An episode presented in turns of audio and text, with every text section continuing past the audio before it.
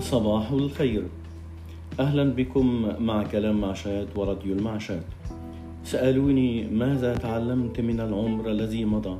فأجبت تعلمت أن الدنيا سلف ودين. تعلمت أن المظلوم لا بد له من انتصار ولو بعد حين.